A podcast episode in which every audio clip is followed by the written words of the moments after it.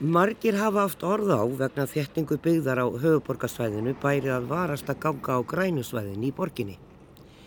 Vissulega hafa nokkri grænir grasbalar horfið undir hús og nokkur tré hafa einni verið fæld en þetta hefur ekki verið gert í stórum stíla mínu viti.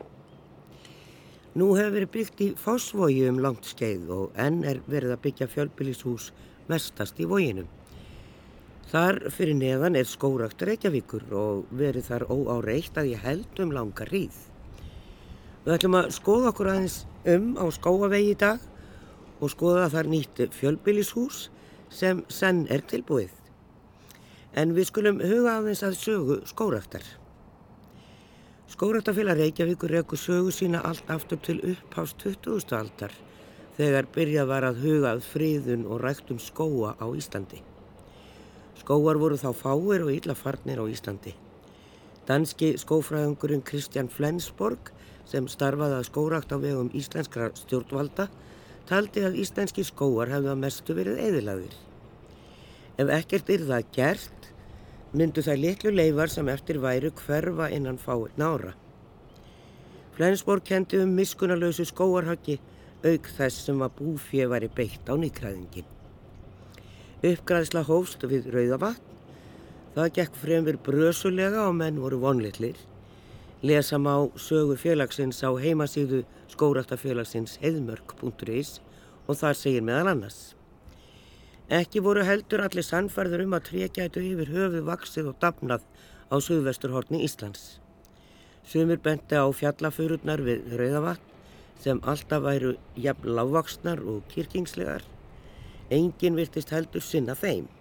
Kúfað Hansen sagði í sumari 1925 að skóraktafélag Reykjavíkur væri ekki orðinum að svipur hjá fyrir sjón. Sá eini sem veitti því aðtekli væri formaðu félagsins Knúð Símsen, borgastjóri Reykjavíkur. Í morgunblæðinu 1919 máttu lesa þá skoðun að ekkert vit var í öðru en að Malbygga yfir Östuföll fyrir að reyna að útbúa þar skrauðkarð. Mér höfum margótt bænt á það að það er engin full reynsla fyrir því að tréð þroskist eigi vel hér á Suðurlandi. Tréð geta ekki vaksa hér svo að þau verði nokkurar verulegra príði í skrautkarði. Skóraktafélag Íslands var stopnað árið 1930 og heiðmörk kemur til sögunar.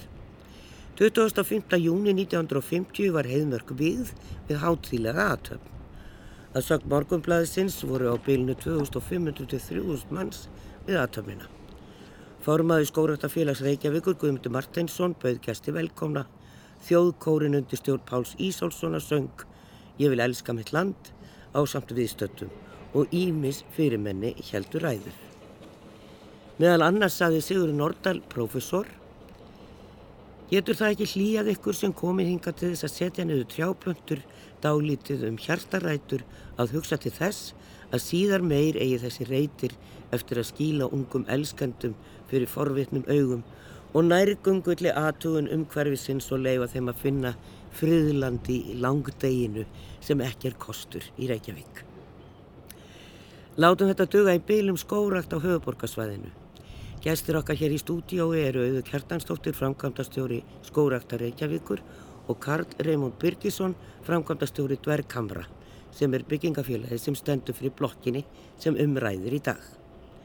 Við skulum byrja á skóaveginum í fylgd arkitektana Guðmynda Gunnlaugssonar og Ellerts Trenssonar. Já, þá erum við komin hér í Fossvógin og uh, þetta er hérna bara fyrir neðan borgarspítalan eða það er svona vestanvegin við hann. Uh, ég man eftir því bara fyrir nokkrum árum að þá voru tværi að þrjár blokkir hérna, ég veit ekki hvað er orðna margar. Þetta er alveg verið byggt alveg rosalega mikið hérna niður frá. Og einhvern veginn hugsa maður okkur var spítalinn ekki byggður hér áður en að þetta gerðist allt? Og þá hefði kannski verið hægt að byggja einhverja íbúða byggð á gamlu spítalalóðinni. En við ætlum svo sem ekki að tala um það hér við erum að horfa hér á blokk sem á, á skóarvegi og þannig að þetta er svona nánast neðst neyri í dalnum það er þó eina, tvær, þrjá, fjórar eitthvað svolítið sér fyrir neðan en svo er náttúrulega bara dýrlegt útvistasvæði þar fyrir neðan þar sem að skóraktur Reykjavíkur hefur verið starfandi frá 1901, hvorki meirann er minna. Þannig að skóraktur Reykjavíkur er 120 ára á þessu ári. Þetta er eh, bara mjög tæmilega hæð á þessum húsum. Þetta er eh, fjórar hæðir og drækt með áli, brúnu og gráu og svona stallaðar, stallaði gluggar, dregnir út og svari dregnar inn og sumstaðir eru það dregnar út. Þetta er að sjá svo sem víða. Arkitektarnir að þessum, þessari byggingu eru Guðmundur Gunnlaugsson sem að rekur Arkhússtofuna og með okkur er líka Ellert Hreinsson arkitekt sem hefur líka unni við þessa byggingu. Það er ennverð að vinna og það verður að klæða. Sko ég veit ekki, þetta hljóta að vera eftirsótt að lóðir hérna í fórsvæðinu. Það er svo mikið viðursælt hérna. Þetta er allavega það eftirsótt að þegar húsið var sett í sölu að þá seldust allar íbúðunum einni viku. Við vorum alveg hissa á því en vissulega kannski var þá þessi sprenging byrjuð og með tilherrandi eftirsótt og verð hækkunum Já. en allavega svo hefur það hækkað mér sér síðan. Já. En við erum afskaplega lukkulegir með að hafa kengja á koma þessu húsi. Þetta var byggt af verktakafyrirtæki úr Hafnarfriði sem heita Dverkamrar. Afskaplega jákvæður og góður einstaklingar sem tóku svo vel í að við fengum að byggja aðeins öðruvísi fjölbílushús. Ekki bara hefðbundi kassa, heldur voruðum strax með í því okkur að vilja brjóta formin upp. Einmitt eins og þú segir, draga svalir inn til að venda líka gegn hljóði, draga Svernbyrgi innar því hér erum við náttúrulega með vissa ánöð af umhverfis eh, ánöð, það er kringlumlabröðin er hérna rétt að vestan við okkur.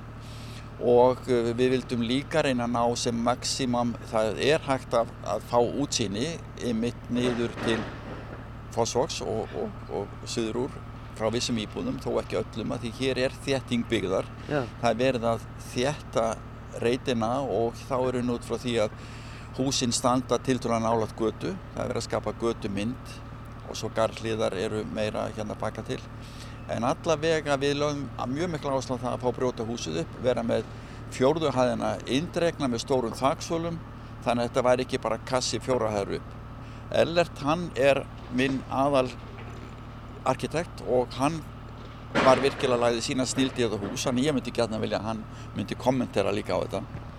Já, Ellert, þú sem sagt ert, hefur unnið af þessu og settið yfir þessu. Var þetta flókimál? Það er nú alltaf þannig þegar maður kemur að verkefnum sem arkitekt þá er miklar upplýsingar sem maður þarf að afla sér og þetta er svona, við höfum alltaf líkt þessu þetta svipað að spila skák. Það eru svona marga fórsendur á baki hverja ákvarðunumtöku og slíkt en, en hérna eins og Guðmundi nefnir að þá, þá náðu að skapa hérna Eh, mjög flottan og öflugan rithma í þessum húsum hérna sem að leti kannski til þess að, við, að efnisvalið í húsinu gæti verið frekar einfalt. Að það er svo sem ekki mikil uppbrot í efnisvalin svo slíku heldur er rithminn það eh, hérna, öflugur í húsinu að, að handaldi tala sínu máli og næra brjóta upp e, skalan á húsinu Við erum með hérna, meira prívat, eða prinsipið er þetta raunin það að prívatrýmin innan íbúðina eru meira indregin frá götu meðan opnu rýmin eða allrýmin í íbúðunum er standa meira út og, og hérna mynda svona sterk lóðrætt form upp með allrýmunum og af og til innan íbúða þá, þá tökum við svona útbyggingar og vissum íbúðum. Eh, við sáum það þegar við eh, komum hérna að skoða lóðina að að þegar upp er komið á efri hæðir að þá ímyndu okkur við getum náðu ykkur vissu sjávarútsinni hérna til vesturs ásamt því að það er flott græntsæðina til austurs þannig að þessar útbyggingar þau kannski íkja pínu þessar sjónása innan úr íbúðunum að bæði að ná flottum sjónásum hérna út af sjónum og svo hins vegar hérna til austurs í svona græn, græntsæði. Við erum hérna með svolítið múr hérna fyrir framann neðstu hæðina, hvað, hvað? Já, við erum náttúrulega bæði að skapa sérnóta hluta fyrir íbúðir á fyrstu hæð, að þær fái verandur út, en svo er ég að benda hérna á næst gangstéttinni eða sem enda fremst, að það eru hérna fimm stiftir kassar, þetta eru djúbgámar og það er semst það að það verðum ekki lengur með sorp geimstlur í húsunum og náttúrulega alls ekki sorp brennur í stegum eins og var í gamla daga, heldur fer fólki með sorpið út. Og, og þetta er flokkar við fimm mismundi flokka og þá er þetta bara líka miklu fyrirferð að minna í umhverfinu. Þetta er bara sínilegt, þetta er bara stúdar upp sem fólk setur sorpi niður í. Þetta er, þetta er orðin skilda eða ekki við nýbyggingar að vera ekki með ruslapsunnur? Það er aðeins mismunit eftir sveitafjölum hvað þetta er komið langt en allavega Reykjavík hefur nú verið í farabróti að mínu mati varnandi þetta Já, að vera með djúpgámana en það sjáum við þetta mjög víða sama hvar við erum hvort við erum niður við Hafnatorg eða hérna uppið við útásreitin nýju fallegu byggðina þar eða hérna við skóvegin að þá er, er þessi flokkun sem að bara gerir að fólk er eins vistvænt og hægt er að Já. íta undir það. Hva, hversu stórar íbúðir er þetta, Ellert? Eh, Íbúðirnar, þetta er í það heila er þetta 69 íbúðir og þær eru frá um 60 fermetrum og alveg upp í 140 en þannig að þetta er mjög fjölbreyttar íbúðartýpur í húsinu sem við teljum að sem mjög gott og þannig að, þannig að eins og við segja, það er eitthvað fyrir alla hér. Og það eru einhverja, einhverjar af þeim eru félags, frá félagsstjónustunni. Já, það var einmitt í útlutuna skilmánum sem að e, mér finnst vera mjög gott að fá þessa blöndun að það var gerð krafa um það að hér yrðu sex íbúðir sem að félagsbústaðir fengju að kaupa og þá á mun lagra verði heldur en er almennt markasverð. Og þetta er þið besta mál, þetta er bara blöndun, sex íbúðirinn á milli þannig að fólk sem að er hér fær útlutað íbúð að það fellur bara afskaplega eðlulega inn í hópinn og, og, og á sitt góða lífi í þessu samfélagi. Já, já. Það er slatti hérna í þessum blokkum held ég er reiknað eldriborgurum og, og, og sumi jafnvel með, með þjónustu, með hjúgrunarfræðingum og, og, og, og mata, eða sem sagt mötuneytum og öðru.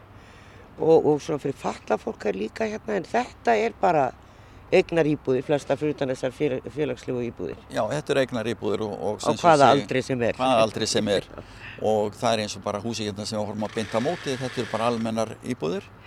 Og e, þetta er náttúrulega alltaf spurning hvort það sé settir ykkur merki miði, það er náttúrulega búið að byggja heilmikið og við ymmit á stofunni, við höfum byggt yfir 600 íbúðir svona sem er kallaðir fyrir heldri borgara og mér finnst miklu skemmtilegra að sé blöndun. Vissulega náttúrulega er líka mjög gott eins og Hrafnist að við gert henni fyrir ofan með miklum sóma Já, byggt upp, þar eru leiguíbúðir að mér skilst, en fólk hefur ákveðið öryggisnið, það er e, e, byggt upp þannig að þú farir heim á þjónustu, aðlýningu alls konar öryggi sem, sem gerir ef þú þart aðstof hjúkunarfræðings eða aðstof við böðun og annað en getur haldið þinni sjálfstæðri búsettu já. vonað til döðdags. Já.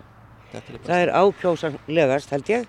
En við ætlum að fá að kíkja hérna inn aðeins. Það er, það er búið að klæða hérna svona, já, dágóðan einn bita af húsinu.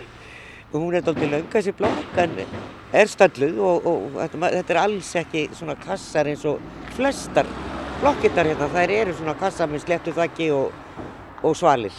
Og hérna, en hér er svona verið að reyna aðeins að brjóta þetta upp þannig að það er svona meira aðeins Og ég verð að fá að skjóta því að, að það er mikill sóm með því þegar verktakar leif okkur að gera það. Af því auðvitað, auðvitað er það mun dýrara eins og þeir segja öll úttorn, kverkar og annað, þetta ykkur byggingkostnað.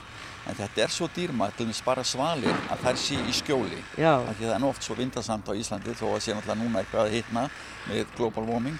En allavega að þeir voru mjög liprið með það og eins af okkar aðri kuna, við hefum byggt gríðilega mikið út í Kársnesi Já. uh, og þar hefur við fengið einmitt að gera sama. Þetta gjör breytir útlítu húsana að brjóta þau upp, bæði með litum og formum. En segðu mér, mér minnum að hafi sagt mér að þið værið líka með aðra byggingar hér í Fossvogi, hérna í Austrátt. Já, það er hérna nýr á, á Fossósvegi 8. Það er svona hluti líka af þéttingaprógrami Reykjavíkuborgar að þar var e, seld lóð fyrir sem að verða mjög spennandi. Það er nokks konar keðjuhús. Það var skipulagt af miklu snillingum sem heita Krass arkitektar og það er e, 11 eins og nokks konar raðhús á tveimur hæðum og svo setjast fjórar sérhæðir kuppar ofan á. Raðhúsin er um 150 fermetrar og svo koma fjórir, fjórar sérhæðir sem er um 190 fermetrar ofan á. Þetta með risastórum þakkurðum og það er náttúrulega paradís, þarna er bara dalurum beint fyrir neðan. Þetta er verið að hefja bygging á þessu. Að því við ætlum að ræða aðeins um skóræktina hérna líka því þetta er svo dýrmætt land að því leiti að skóræktin er búin að vera hér í, í 120 ár og búið að græða verulega vel upp og, og það er að ganga allan dalinn og koma svo í, í garð sem að Kópavogsbúar reyndar eða Kópavogur rekur, ákala fallegu garður. Þið þurfið að höggva eitthvað að trjám til að koma þessum luxus fyrir. Vissulega var við Fossóksveg, þar var það fjallega vist trí en þeir setja mikið metna í það og, og gerðu lofórðum það og landslagsarkitektur hannaði það að það mun verða bætt í og settu mjög fallu gróður á lóðuna. Framlóðan verður verulega græn og svo aftur líka fyrir neðan þannig að verður, lóðin verður klætt, klætt aftur en við svolítið alltaf eftir sjá þegar það er að fjallaða trí. Já, það, er einhvern veginn þannig. En eigum við að kíkja inn og, og skoða okkur aðeins um? Já, við býðum aðeins með að skoða íbúðunar og hilsum upp á gæst okkar hér í stúdiói.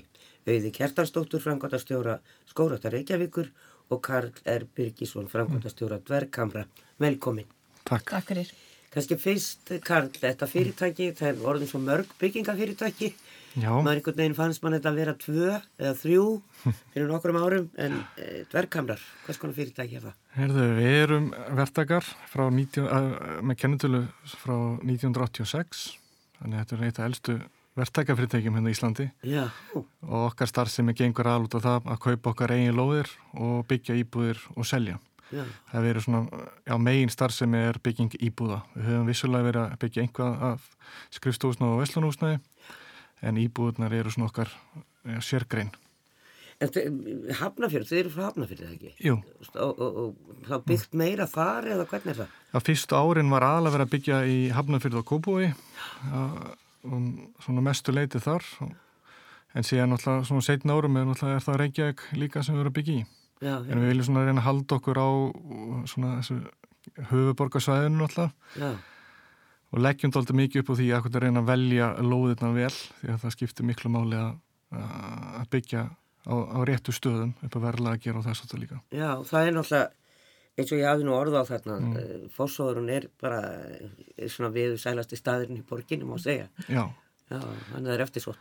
Já, hann er við þurftum ekki að hugsa tvistur um náttúrulega Reykjavík bauð út þessa lóð og, og við ásamt fleiri náttúrulega bauðum í lóðina og, hún endaði, endaði okkur hann við vorum afskipla ánæði með það Já, en þetta er náttúrulega ekki ódýr lóð en á móti kemur að þetta byggja hérna í fórsögunum þá ertu svona nokkuð viss um það að þú munt geta selt íbúðunar svona þetta er mjög ólíklegt og situr uppi með íbúðir á þessum stað já. til lengri tíma. En, en hvað breytir það í verðlagi, finnst mér foröfnilegt, og nú er, er borgin að kræfjast þess að, að félagsbústæðir fái nokkrar íbúðinast í hverja einustu blokk sem er byggð. Já. Gerir það íbúðan dýrari fyrir alla hina? Þessi þeir fá útdýrari. Þetta er að svona, fáar íbúður í svona stóru húsi, hérna eru að byggja 70 íbúður og þeir eru með 6 íbúður. Ég veit að hefur ekki áhrif að verla annar íbúði húsinu myndi ég segja. Þetta er bara hlut á loðaverðinu og svo sem bara, bara mjög góð. Við höfum allan að við farið gegnum annað verkefna sem þeir kipta okkur íbúð líka og bæði samstarfið félagsbústaði gengi afskaplega vel og, og raunur okkur eitthvað reynslega í kringu þau hafa bara verið þetta mikilvæg fyrirmyndar. Skilirinn eru orðin líka meiri hjá borginni oft finnst mér við nýbyggingar heldur en var, það er náttúrulega þessir djúbgámar, Já, það er enga, ekkert ruslaport eða, eða kjallari. E, einhver fleiri skilirði og svo þessar íbúði til félagsbústaða. Já, það er semst að við erum núna að kaupa aðra lóður Reykjavík og það eru líka skilir um að, að þessi 20% af íbúðunum sé fyrir þá annarkvæmt leigu íbúður eða íbúður fyrir aldrað. Þannig að þeir eru svona að reyna að stýra uppbyggingun á hverfunum með að setja svona hvaðar á lóðunar sem er svo sem bara hefur besta mál. Sko. Já, hvað hva er það? Bæna? Það er bara höfða. Já, það er náttúrulega aftur að byggja reyðinar úrskupsari frá svona næst, nánustu framtíð. Já, En skóraktin er þarna búin að vera því að 1901 sem kom inn á óvart, þetta væri svona gamalt. Eh, En er staðurinn opinn almenningi? Man er oft séð klíð þarna og keðju og banna að koma. Já, sko, skórættafélag Reykjavíkur á upphafsitt að rekja til 1901 og þá voru við að hérna uh, vorum sagt áttum skóraktar, eh, sem sagt fyrsta gróðurastöð eh, á söðvesturhotni var Rauðavarstöðin upp við Rauðavatt og hún eh, tók, eh, það var eh, tilraunir Flensborg eh, í, í hérna sem var þá starfsmæður ríkisins að hvetja til þess að, að, að, hérna, að, rækta tré. En uh, þetta er, þetta er eiginlega alveg með ólíkindum að þetta sé á þessum tíma, það var ekki vassveita, ekki hitaveita, ekki frárensli í Reykjavík. En samt sko var, var fólki að dætt í hug að það væri skinsanlegt að girða af land e, upp við Rauðavatn og búa til listigarð og e, á þeim tíma þá vissu Íslandingar ekkert hvort það væri yfir höfuð hægt að rækta skó. Þannig að hérna hann, Flensborg, ríkið hafði ekki efna á að borga laun, sko heils á starf fyrir þennan eina starfsmann. Heldur var hann sem sagt bara sumarstarfsmæður og hann kom með plöntur Eh, sjóleiðina á, á sumrin og, og var sem sagt að rækta upp við hérna, upp við Rauðavatt þar sem að á þeim tíma þá voru, var mikið skeppnuhald í görðum hjá fólki og, og, og ekki hverki hægt að kaupa tré til að rækta í gardinum sínum. Og eiginlega alveg með ólíkindum að þetta uh, þetta starf sem að en, en, en það var síðan 1937 sem skórtafélag Reykjavíkur hóf sagt, starfsemi sína í foss og stál og, og það var eins, það þótti henda betur af því að þar var sagt, vís, hlýðin vísaði mút söðri og, en, en enga síður á þeim tíma var heldur ekkert skjól þar og, og fyrstu árin voru var mikið verið að, að eh, sagt, búa til skjól, skjólgarða og, og, og, og hefja ræktun. En það var síðan í, í, hérna, í, í kringum sko 1950 sem að, sem að eh, skórættarstöðin fór að, að framleiða markvist mikið af plöntum. Þannig var til dæmis 1950 67.000 plöntur afhendar út úr stöðinni og og, og 52 sko 157.000 plöntur. Þannig að þetta, eru, þetta, þetta var þess valdandi að, að fólk gat keift plöntur í gardana sína og, og mjög mikið af gróðri í viðsvegarum borgina á rætu sínar að rekja til þessara stöðvar í, í, hérna, í fórsvörnum en, en síðan 2000 þá hefur skóraftafélag Reykjavíkur ekki, þá var þetta sagt, alfarið stjórnað af Reykjavíkuborg og Reykjavíkuborg tók við allum rekstri í dalnum og, og við færðum okkur alfarið upp í heðmörk.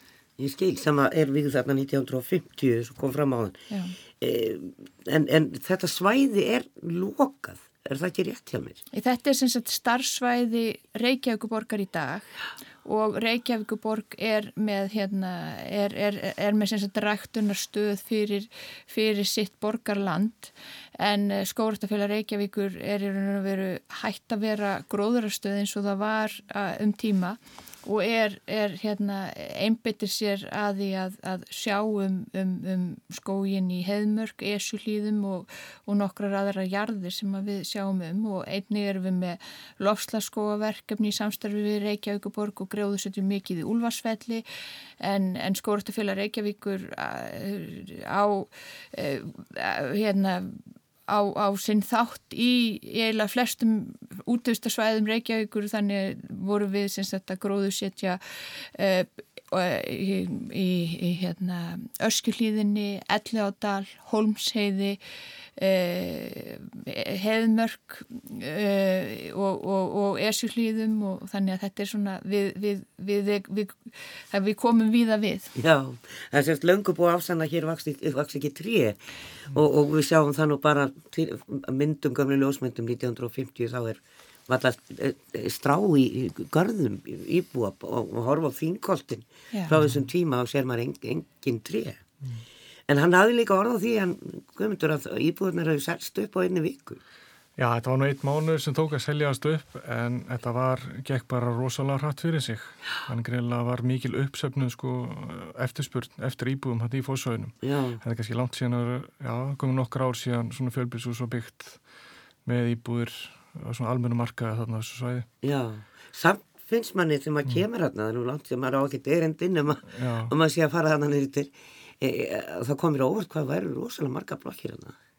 Jú, það er náttúrulega búið að byggja bæði náttúrulega er stúdendagarðar hérna síðan er Bjarg búin að að byggja hérna og síðan náttúrulega Rappnista búin að byggja gríðarlega mikið og, og það er rosalega flott flotta byggingar sem Rappnista er byggt á þessu sæði og þau eru líka lagt hulvört í hönnun og húsunum þannig að það kemur gríðarlega vel út. Já, þetta er alveg ótrúlega. En e, við skulum kíkja aðeins inn, með, inn í húsið með þeim e, Guðmundu og Ellert og e, skoða okkur innan dýra. E, við erum komin hérna inn í húsið og komin á stöðagang og einhvern veginn bara já, og svo maður getur maður að fara út hínum meginn allt í hennu. Út í garðin? Út í garð, það verður garður hérna meginn. Já, það er, er sammelingar fyrir húsið er hérna að komast út þar á norðanverði. Ef það er börn. Er, já, en hann er norðan meginn. Hvað, hvað? Það er náttúrulega kemur út frá því að húsið var ákveðna byggingalínur í skipulagi, það var staðsett nálað gödunni. Já. Þannig að rauninni garrýmið eins og maður vil nú að helst hafa garði í söður eða vestur, þá var það náttúrulega ekki möguleiki hér.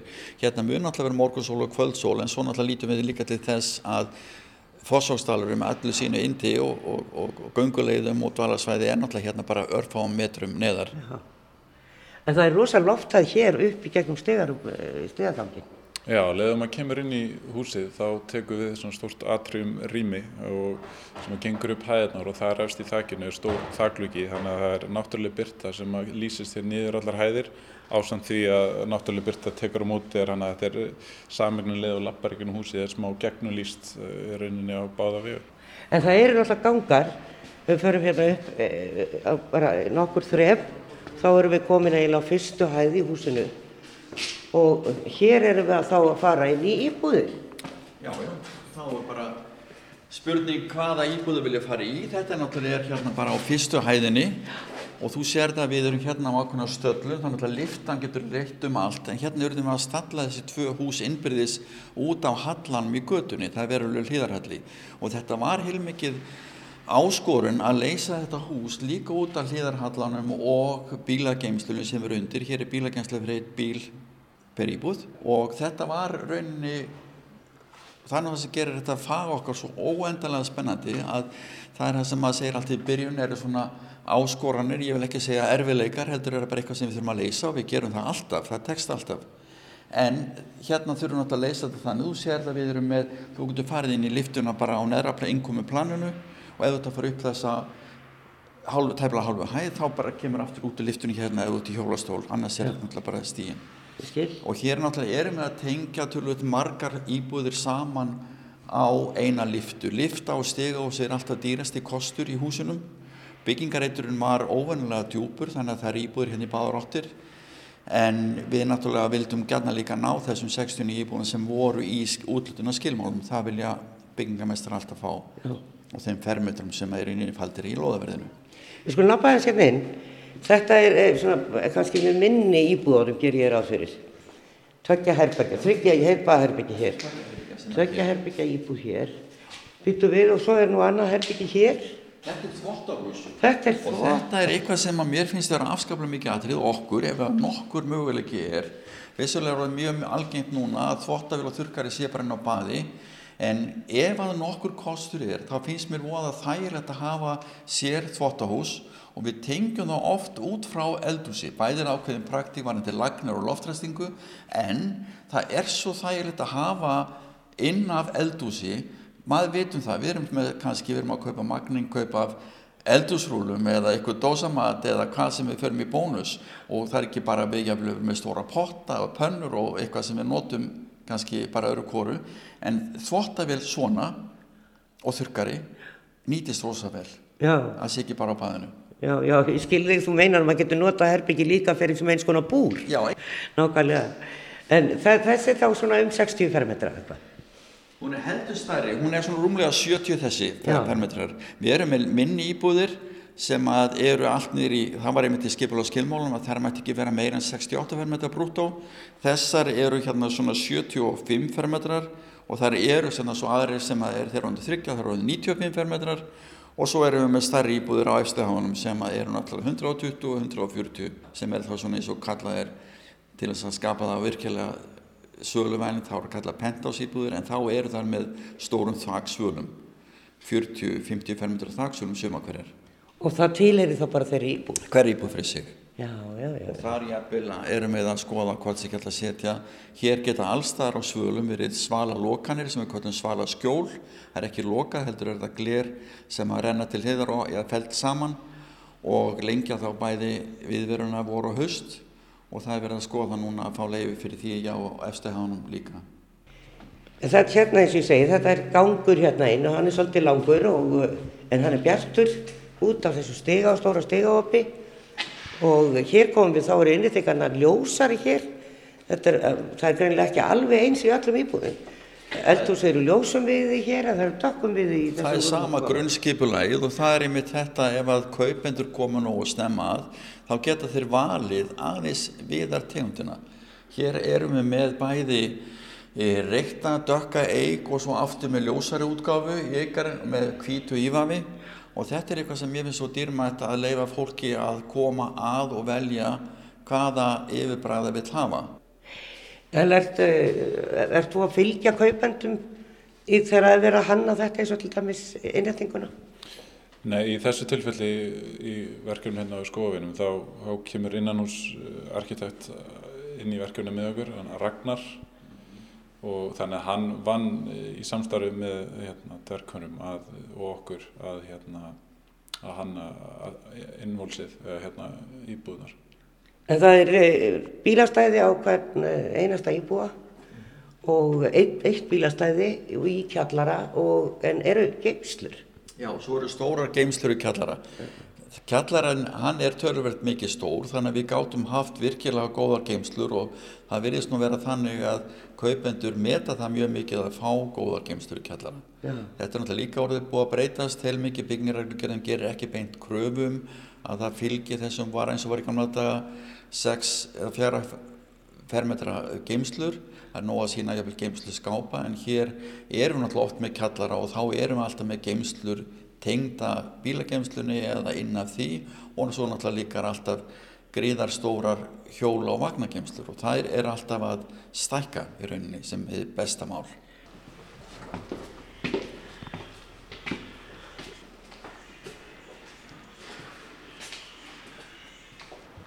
Og hér er enn einn öðru sig útlitt á eldhúsi. Það eru þrjú mismunandi efni þá. Það eru fjögur, það, það eru fjögur, já. Ég það vissi ekki. Já. Og hér er eitthvað sem að líka er verðt að minnast á sem að dvergkamara leið okkur að gera. Við erum reyndar höfum notaði mörg ára bíl að vera ekki með opna íbúðunum heldur gólfhýta. Og þá er þetta stikkið sem hún sér hérna vegnum í þóttahúsinu. Þetta er kannski okkur gólfhýta kista sem er stýrikerfi fyrir gólfhýtan. Já, ok og mér finnst þetta að vera gríðalegu luxus að hafa gólfhitta, það voru svo hjálpn og fín híti í búðurinni og svo líka það að þá getum við unni með það sem við alltaf elskum með arkitektar að vera með gólf síða glugga. Svo sem sjáum við er reyni áhrifin sem þessar útbyggingar hafa innan úr íbúðunum eins og nefnum þér er draugum við útbyggingu út fyrir húslið, húsliðina hér að sunnaverði og, og þá náum við þessum skemmtilega sjónars hérna eh, til austurs í þetta grænasæði hér og svo að samanskapið þegar ofar er komið þá verður þetta líka náðu sjónar sem hérna út á sjó sem við náum að íkja með þessum já, já. Eh, útbyggingum innan úr íbúðunum. Og þetta eigur náttúrulega tölvertu byrtu í íbúðun. Heldur betur. Já,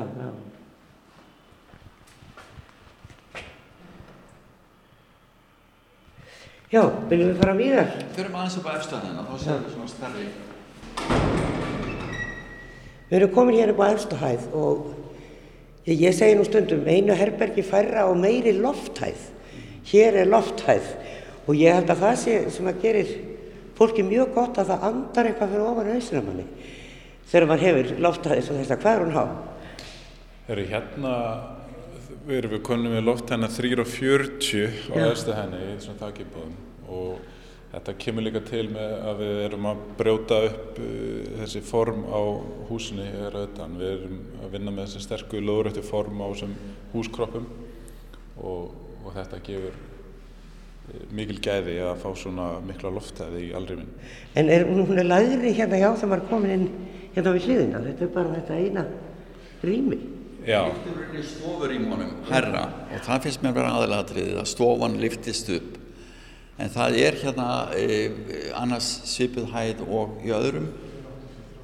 Já, aðeins herri reyndar hérna sem við tókum en það er náttúrulega alltaf sem líkir í skipulega alveg svo við þurfum að vinna okkur inn í ákveðin byggingarreit. Þá er alltaf gefin upp max mænishæð ja. og þetta er svona eina af þeim áskorun sem við þurfum að leysa að vera innan vænisæðarinnar en við reyndum að gjör nýta það og náðum því hér Já. með því að fá svona meiri loftað goða loftað almennt á hæðum en, en meira hérna á efstöðunum.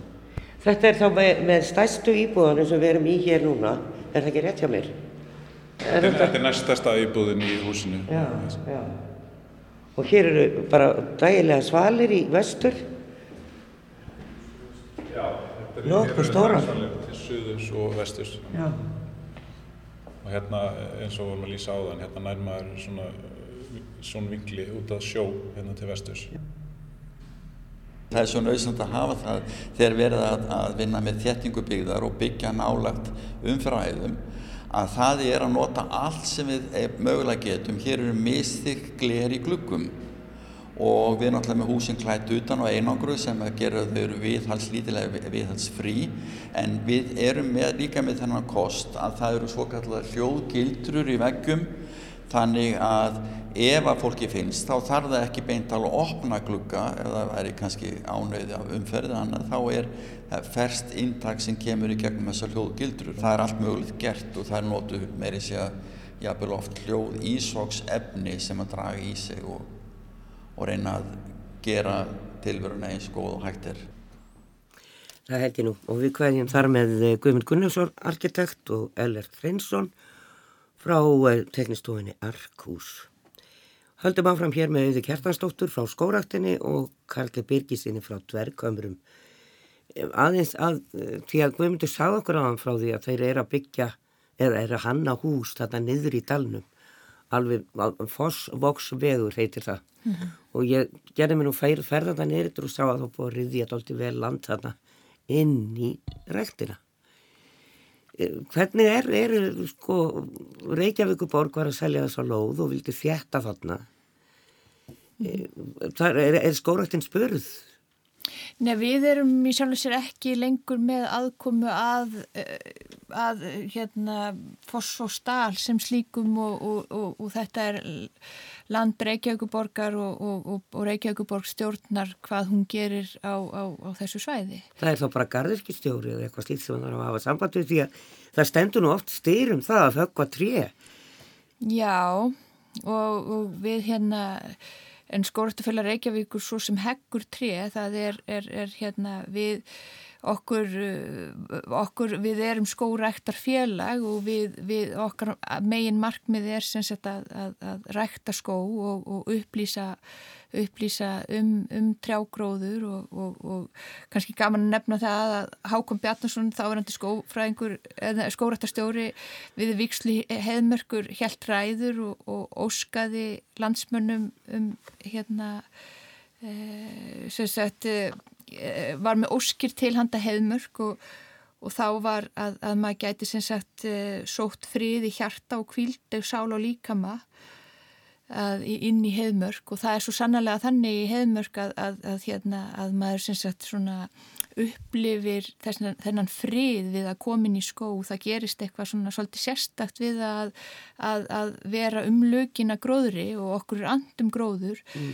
en það er líka svona eðlilega framvinda þess að rækta skó að stunda skóar högg því að e, íslenska rannsóknir sína það að um leið og þú e, ert með skó og, og grísjar hann e, þá á, á 200 ára tímabili bindur hann sér tvöfalt meira kólumni með því að grísja hann versus að láta hann óáreittan, hann. Brotna frekar í vindi, hann veksver og ýmislegt slíkt ef að, ef að, ef að maður lætur hann óáreittan en, en okkur er svo sem alltaf um, umhugað þegar við verðum var við að það sé verið að ganga á græn svæði.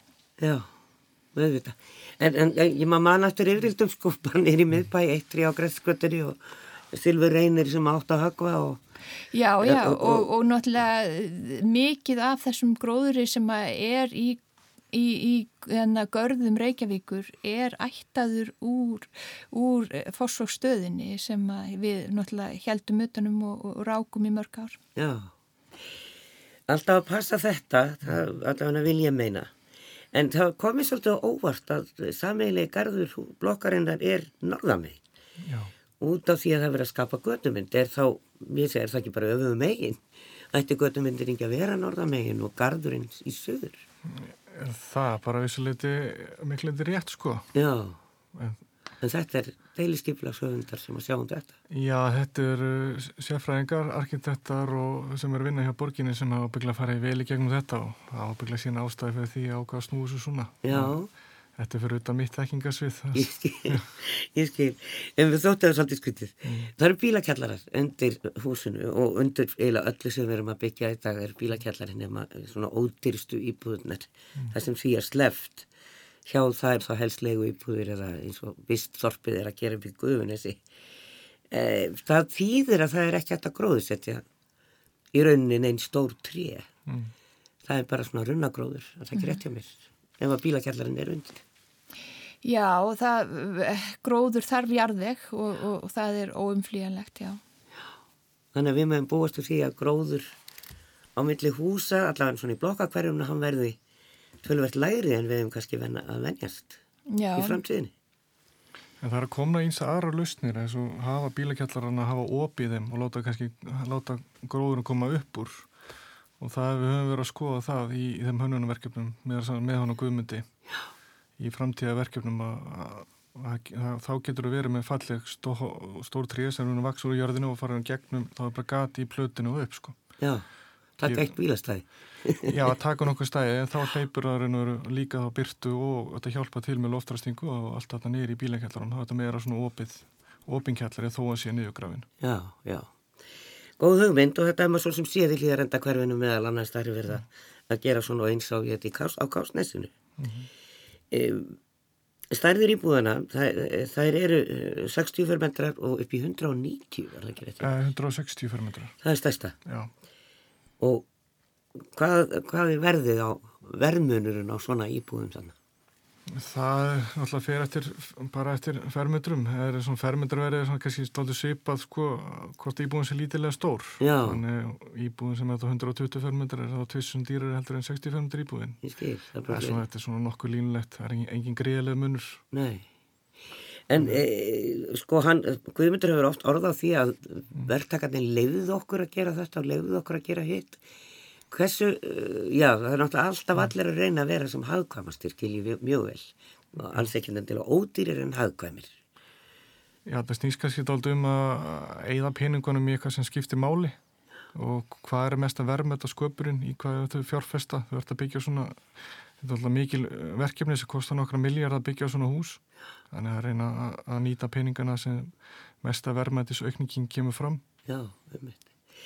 E, það að hafa skóginn þarna og, og þetta útvistasvæði niður í dalnum sem að margir nýta og, og, og náttúrulega tefur rók og allt það, það er mikið loknanda. E, smittar það þegar maður sjáum að eldri hús eru gerðu upp í miðborginni, gamlu, gamlu bæ, gamla bænum, að þá smittar það, einn gerur upp húsið sitt og, og þá fyrir næsta stað. E, virkar þetta svona líka með gróðurinn? Ef einn er að gróðu setja og gera fallegan garð, gerir nábúin það þá líka. Já, ég held að uh, það eru fá lönd í heiminu sem hafa viðla, viðlíka tækifæri og við um að, að gróðusetja og, og binda kólefni með skórækt. Þannig er til dæmis eh, barskóur í heiðmörk að binda eh, 4,7 tonn á hektara á ári samkvæmt eh, nýjustu mælingum hjá okkur. Og, og það er uh, mikil binding. Þannig að það er þetta, það að, að sem sagt um, nú heyrir maður daglega í fréttum einhverja fréttir um, um lofslagsvá og hlínunjarðar og annað slíkt að uh, það eru fá lönd í heiminum þar sem að við höfum viðlíka tækifæri og á Íslandi að, að, sagt, að, að rækta skó og, og það er alveg uh, stefna okkar að hleypa sem flestum að að gróðusetja tré í, í, í náni, náinni framtíð og, og hérna og félagið með þessar hérna sko 120 ára sögu að eh, fyrir 120 árum þá vorum við ekki einu svona vissum að, að tré myndu vaksa yfir höfuð eða gætu vaksa á Íslandi og, og og, hérna, og þessar plöntur sem voru fluttar inn með skipi til Íslands uh, það þótti svolítið svona, svona spennandi að, að vera að keira fram hjá rauðavarstöðinu og segja hérna, þetta vex ekki neitt og, og, og hlæja svolítið að þessu skórakta fólki en ég held að, að það séu fáir sem að trúa því í dag að, að það sé, það sé ekki hægt að planta trjáma á Íslandi og, og, og þau get ekki dafnað og, og aukið sagt, þetta er náttúrulega eigur verðgildi landsins að, í, í fórsústalar til dæmis að, hérna, að, að það sé þessi miklu gróður og þessi mikla veður sælt tengt gróðurinnum. Já, eh, Sigur á setnilegta hjá okkur eh, Karl, hljóðgildur í veggjum, ég har aldrei heilt þetta. Nei, það er náttúrulega við erum að soga sanga byggingureglíkjar, við erum að vera að soga út loft bæði eldusum, þóttás og badarbyggjum út úr íbúðinni og Já. þá þurfum við að fá fest loft inn á móti. Og þá erum við með sérstaklega ventla í útveikjanum sem takir hleypinn þá fesku lofti. Og í þessum ventlum erum við með þá hljóð ísóks einangurinn á svona frjókarnarsým og þess áttar til að bara tryggja það að við tökum þá einn reynd loft á móti. Og, og það er leiðandi þartu minni skilur minni þörf fyrir því að vera opna klukka því að þá atna, e, þá rýfur hljóðvörnina. E, þá getur kemur, kemur háa inn en, en túðurnar hleypum feskulofti en, en ekki hljóði. Og er þetta eitthvað sem maður kveiki bara á? Eða, er, nei, er þetta alltaf í gangi? Já, þetta er bara, bara alltaf í gangi sem getur svona, e, stækka á minkagati með því að tósa í, í spotta. Það er nefnilega Já, já, ég hef ekki segjað þetta, þetta er heimislegt til e, þetta er spennandi og þetta er alltaf endislegu staður að búa og enda sér maður það það er, það er, e, það er ekki oft mikið til sölu þarna í mm. fósóinu það verist, fólk verist bara vera þar til að við loka. Karl Reymótt Byrkisson, frangotastjóri Dverkamra og auðu Kjartansdóttir, frangotastjóri Skóraktar Reykjavíkur til Hamming Mamali sem var í gær. Já, takk fyrir. Og þakku fyrir. Takk, takk.